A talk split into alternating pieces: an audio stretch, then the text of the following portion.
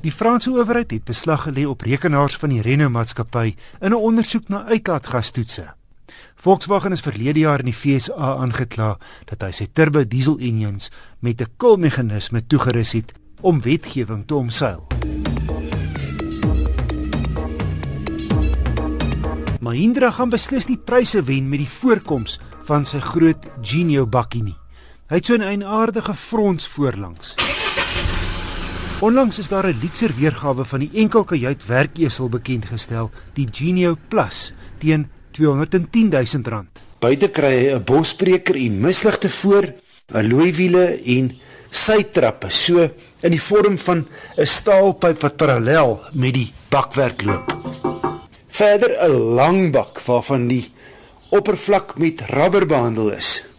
En daar stop dit nie, ook 'n staal agterbuffer met 'n aluminiumplaat bo-op vasgebou en 'n sterk dik rolstaaf net agter die kajuit en ook 'n rolstaaf heel agter wat min of meer soos 'n sokker doelhok lyk met dieselfde hoogte as die voorste ene.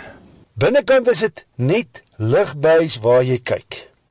Die sitplek materiaal lyk nie baie duursaam nie en ek sou belê in 'n sterk oortreksel teen R210 000 egter goed toegerus 'n klankstelsel met 'n SD kaartgeleef en 'n USB punt. Elektriese vensters. Maar hier's 'n aardigheid.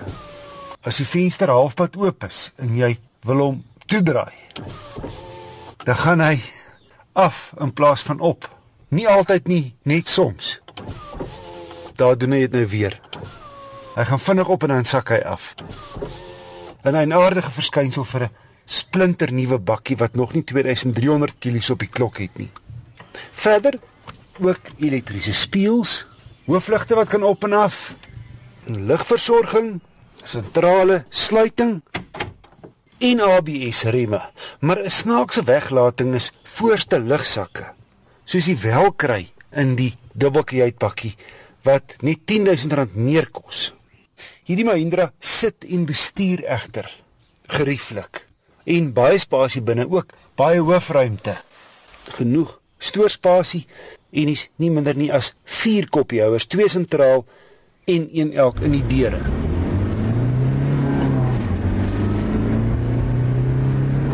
Die 88 kW 2.2 turbo diesel trek voldoende danksy 290 Nm wrinkrag vanaf 'n lae 1600 toere. En sonder 'n vrag is die ritgehalte nie sleg vir 'n bakkie wat 1250 kg kan baas raak nie. Die Mahindra Genio Plus is in verskeie opsigte minder gesofistikeerd as die Japaneese 1-tonners. Maar die prys is reg. Teen R210 000 bied hy goeie waarde vir geld.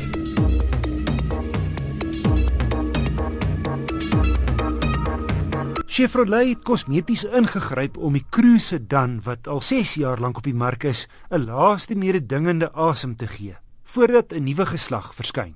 Die veranderings is subtiel. Dagryligte voor, mooi nuwe alloywiele en nuwe agterligte. Binne Chef se MyLink inligting en vermaakstelsel wat maklik en intuïtief werk. Ook andersins is die 1.6 LS toetsmodel goed toegerus, ses lugsakke, elektroniese traksie en stabiliteitsbeheer.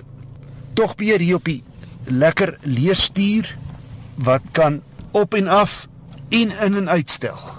En dan was hy ook toegerus met drie sensors. Maar dis egter 'n opsie op hierdie LS model. Net een ding het my gepla van hierdie chef. Maar laat ek eers klaar maak met die positiewe waarvan haar heelwat is. Die sitplekke is baie gerieflik en so ook hier dit gehalte. Heelwat spasie en 'n heerlike rataksie, kort en sekuur.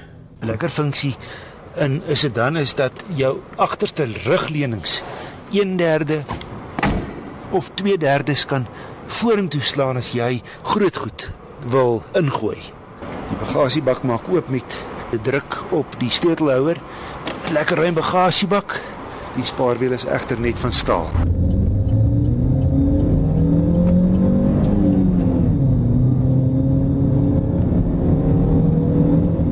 maar die Lexer 1.6, daar's ook 'n goedkoper L model, is stadig.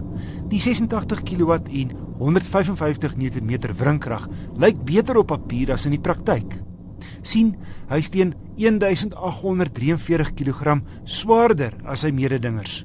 Terloops teen 4,64 meter is die Cruise net so lank soos die Corolla en Jetta. Maar die Corolla 1.6 is lewendiger. Om nie te praat van die Focus sedan nie.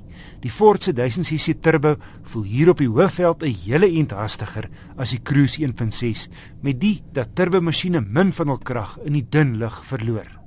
Dis jammer want die Cruise 1.6 LS is 'n aangename gesin sedan met heelwat toerusting. Teen R265300 soek 'n mens egter meer woema.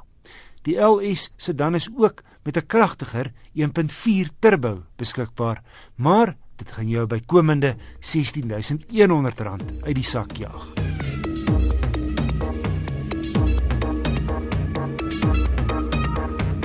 Hier's my wenk van die week.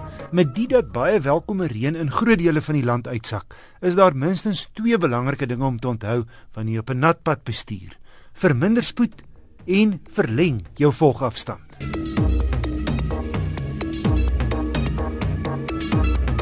Volgende week kyk ek weer na briewe van luisteraars.